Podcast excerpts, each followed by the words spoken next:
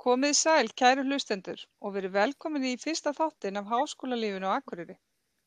Í þessum þáttum ætlum við að ræða ýmislegt sem tengist háskólalífinu frá sjónarhóttni kennara og nefnda. Það er von okkar að kennarar og nefnendur við Háskólan á Akureyri muni hafa gagn og gaman af þessum þáttum. Umsjón með þáttunum er í hönd Sigrúnar, önnu Sigrúnar og Helgum.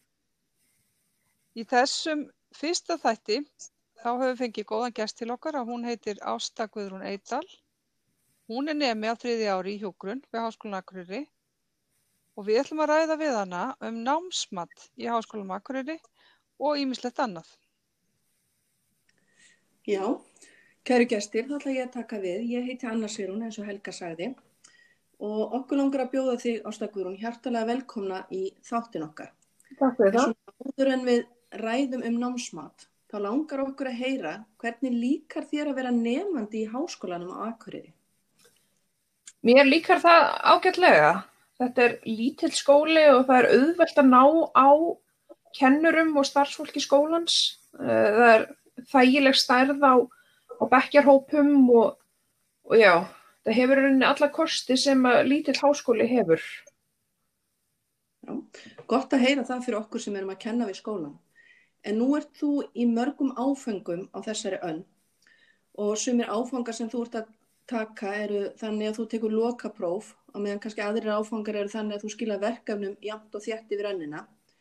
Hverjir finnst þér vera kostir og gallar við það að taka próf í háskólanámi?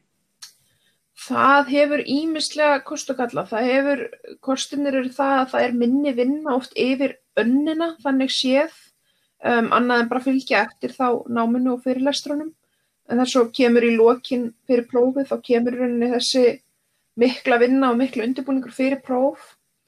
Um, gallar þá er það kannski helst að um, maður læri rosalega mikið dagana fyrir próf og svo á maður það til að gleyma það um leiðum maður lappur út úr prófun aftur, öllu því sem maður lærði. Þannig að það er svona, og svo líka kannski meira það veldur oft svo mikið á prófunum. Nú hef ég tekið nokkur 100% lokapróf og það getur verið ansi stressandi að vita það að öll, öll námsleg uh, frammynda, hún veldur á þessum örfáu spurningum eða en þessu prófum. Já, maður getur rétt ímyndað sér að það svona aukja þess að stressi. En hefur þú verið í áfengum í þínu námi þar sem þið nefnendur fáið svona leiðsagnamatt jafnt yfir tímabilið á þeim verkefnum sem þið er að vinna í? Ég hef verið í þannig áður, já. Það, ekki núna en, en áður. Og hvernig líka þér að fá svona leiðsagnamatt? Það var svona gott. Það var gott að fá svona feedback stöðut hvort að maður væri örgulega að skilja námsefni rétt. Þetta var námsefni sem snýrist rosalega mikið úr ígrundun á uh, fyrirlesturum og það var rosalega gott einmitt að fá að vera stöðugt að velta fyrir sér efninu sem maður var að læra og þurfa stöðugt að vera í samræðum við kennaran um efnið. Skilaði mig. Gott að, mm, gott að heyra þetta. En okkur langar svona í lokin að spyrja þig, nú hafa aðstæður verið öðruvísi af þessu skólári. Og hvaða áhrif hefur COVID faraldurinn haft á þitt nám?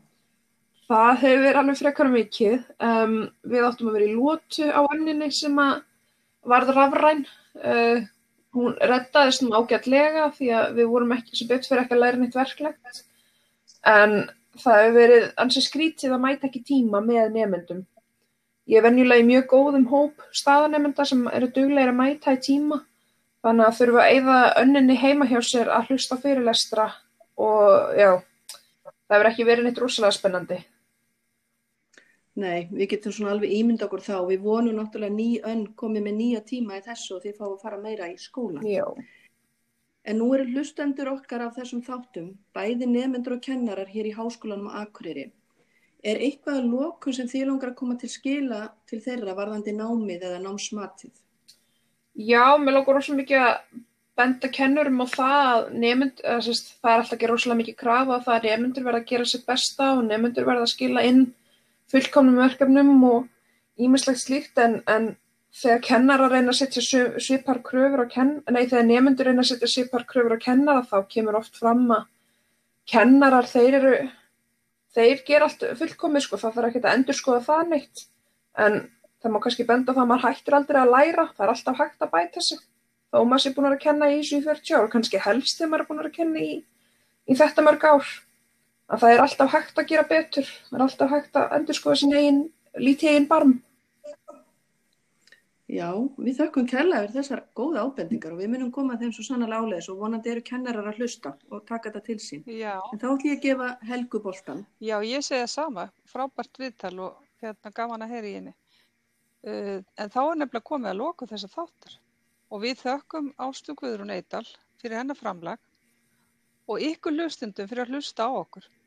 Í næsta þætti eftir viku þá munum við ræða við Rannvi Óttisdóttir kennari hér við Háskólan Akureyri um það hvernig er að vera kennari á COVID-tímum.